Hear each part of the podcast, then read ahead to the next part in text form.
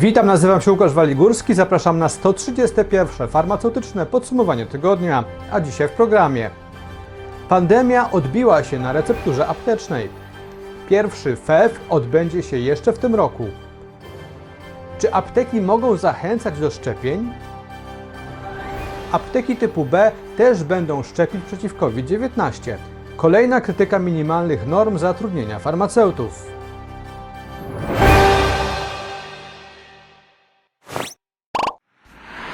Partnerem programu jest portal leki.pl, rzetelne źródło informacji o leku dla Ciebie i Twojego pacjenta.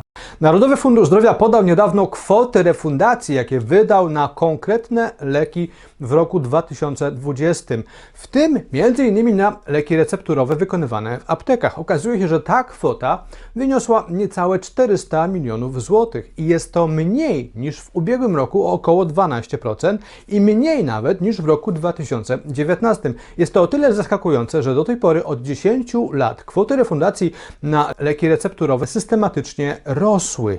Z danych Narodowego Funduszu Zdrowia wynika, że w 2020 roku apteki wykonały o 30% mniej leków recepturowych niż w roku wcześniejszym. Ten dość nieoczekiwany zwrot dotychczasowej tendencji jest prawdopodobnie efektem pandemii i tego, że pacjenci przez ostatni rok mieli bardzo utrudniony dostęp do lekarzy. Poza tym też wiele aptek w obliczu pandemii i wprowadzanych ograniczeń zmniejszyło liczbę wykonywanych leków recepturowych. Między innymi głośna w tym kontekście była jedna ze spraw z województwa lubuskiego, gdzie wręcz musiał interweniować tamtejszy wojewódzki inspektor farmaceutyczny, dlatego że matka chorego dziecka nie miała gdzie wykonać proszków do tego dziecka, proszków recepturowych. Dopiero po interwencji wojewódzkiego inspektora farmaceutycznego udało się znaleźć aptekę, która te proszki e, wykonała. Kilka dni temu weszło w życie rozporządzenie ministra zdrowia w sprawie farmaceutycznego egzaminu weryfikacyjnego, w skrócie FEW. FEW wprowadziła ustawa o zawodzie farmaceuty, mimo że przeciwko jego wprowadzeniu do tej ustawy było przeciwne prawie całe środowisko farmaceutyczne. W wielkim skrócie farmaceutyczny egzamin weryfikacyjny jest to alternatywna ścieżka uznawania kwalifikacji farmaceutów spoza Unii Europejskiej do pracy w Polsce.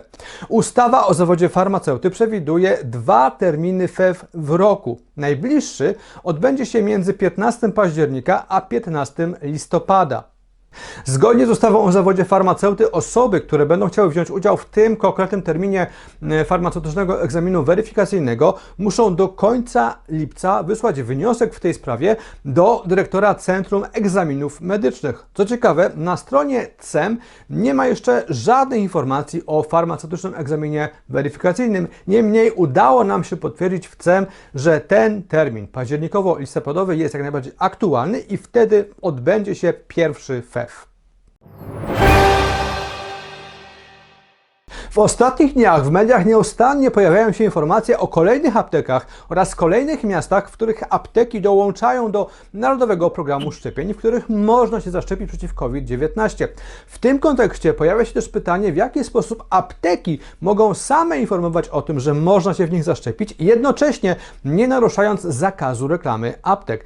Już w połowie czerwca pytanie, właśnie to pytanie e, do Głównego Inspektora Farmaceutycznego wystosowała Naczelna Izba Aptekarska. Jednocześnie Naczelna Izba Aptekarska zasugerowała, że najbardziej prawidłowe będzie umieszczanie oficjalnych materiałów informacyjnych, e, takich, jakie pojawiają się w punktach szczepień powszechnych. Niedawno została opublikowana odpowiedź Głównego Inspektora Farmaceutycznego właśnie na te pytanie, która potwierdziła, że to stanowisko Naczelnej Izby Aptekarskiej jest jak najbardziej prawidłowe, ale jednocześnie należy pamiętać o tym, że w oznaczeniu o prowadzonym punkcie szczepień nie może być żadnych innych treści wartościujących ani znaków graficznych, które zachęcałyby do skorzystania z usług i oferty apteki. W takim przypadku zakaz reklamy aptek i ich działalności nie będzie naruszony. W minionym tygodniu Ministerstwo Zdrowia wydało komunikat, w którym potwierdziło, że apteki typu B, czyli apteki bez receptury, mogą jednak wziąć udział w Narodowym Programie Szczepień i mogą się w nich odbywać szczepienia przeciw COVID-19. Przypomnijmy, że pod koniec czerwca e, pojawiały się informacje, że Narodowy Fundusz Zdrowia odrzuca wnioski takich aptek o dołączenie do Narodowego Programu Szczepień. Chodziło o to, że tego typu apteki nie spełniają wszystkich wymogów, które są zawarte w rozporządzeniu Ministra Zdrowia w sprawie powierzchni podstawowej oraz pomocniczej apteki. Co ciekawe, prawidłowość takiej interpretacji potwierdziło także Biuro Prasowe Ministerstwa Zdrowia, z którym kontaktowaliśmy się w tej sprawie w czerwcu.